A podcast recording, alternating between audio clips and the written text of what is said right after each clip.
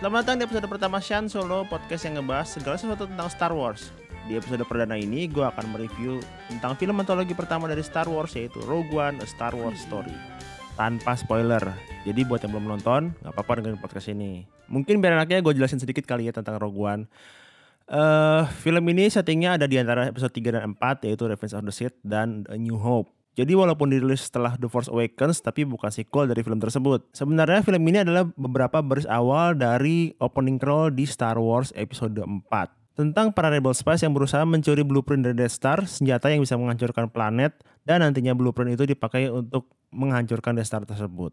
Oke, gue mulai reviewnya ya. Eh gue suka banget sih sama Rogue One ini mungkin lebih dari The Force Awakens kita bahas dari apanya dulu ya dari ceritanya keseluruhan gue merasa cerita di Rogue One ini lebih fresh daripada The Force Awakens. Kenapa? Eh, nggak tahu ya mungkin karena eh, lebih toward ke adult kali ya. Eh, terus nggak berkutat di drama keluarga disfungsional Skywalker. Si Gareth Edwards tuh pernah bilang kalau Rogue One ini kayak Saving Private Ryan on space.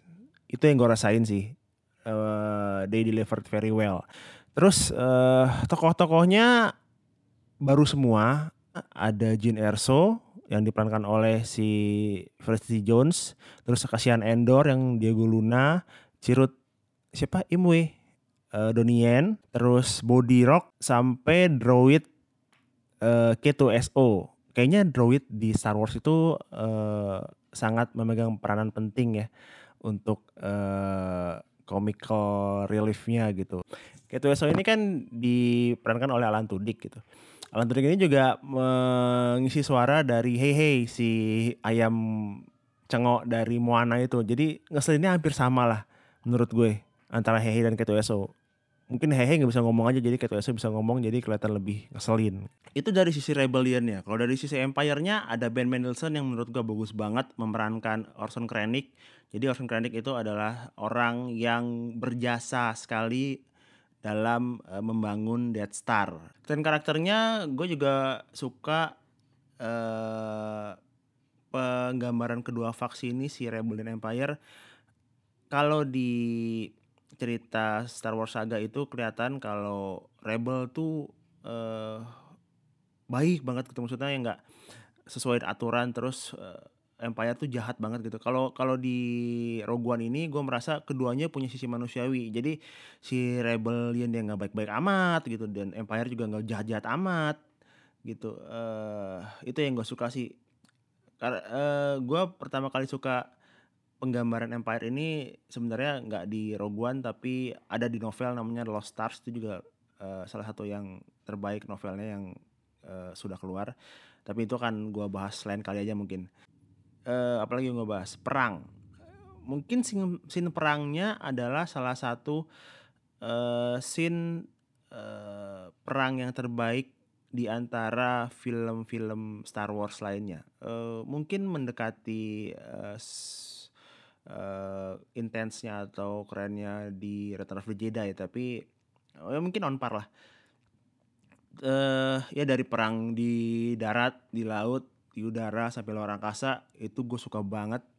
eh dan ternyata si Ra- siapa namanya Gareth Edwards itu menggunakan beberapa footage yang tidak jadi dipakai sama eh, George Lucas di episode 4 gitu. Jadi itu ada ada beberapa eh trivianya sedikit.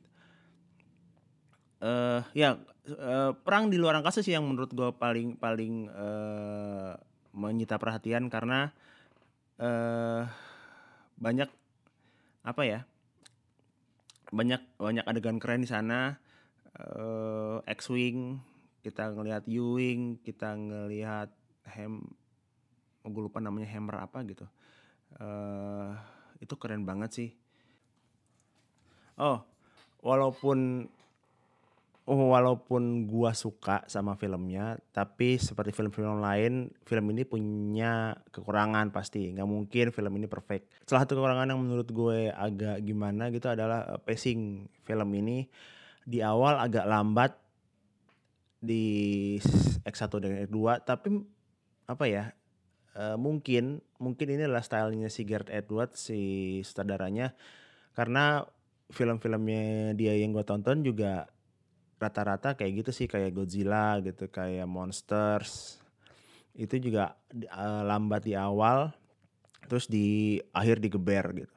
Uh, apalagi uh, karakternya selain Jin Erso menurut gue kurang didalami atau kurang ketahuan background story-nya gitu. Jadi uh, walaupun keserah keluhan keren banget gitu karakternya uh, jadi kayak kurang kurang nempel sama kitanya gitu.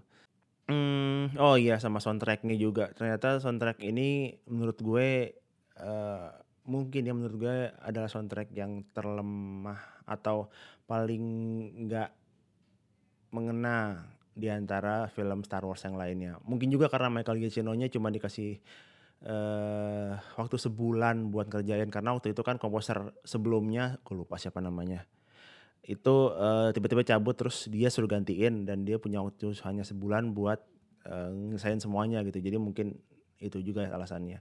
Tapi yang nggak apa-apa sih uh, masih bisa masih ada beberapa yang uh, bagus soundtracknya menurut gue. Uh, Rogue One ini memang film antologi dan lepasan dari Star Wars saga. Tapi menurut gue uh, film Rogue One ini lebih prequel daripada prequel Star Wars 1 sampai 3 gitu. Karena karena menurut gue lo bisa begitu selesai nonton Rogue lo langsung pengen nonton uh, episode 4. Mungkin akan gue bikin versi spoilernya dan lebih panjang lagi di audio. Terima kasih yang udah dengerin uh, podcast Shan Solo episode perdana ini kasih tahu gue di bawah uh, komen kita bahas apa yang lo rasain apa lo suka atau enggak ya One ini dan sampai ketemu di episode selanjutnya gue akan bahas tentang spoiler Rogue One Star Wars Story. May the Force be with you always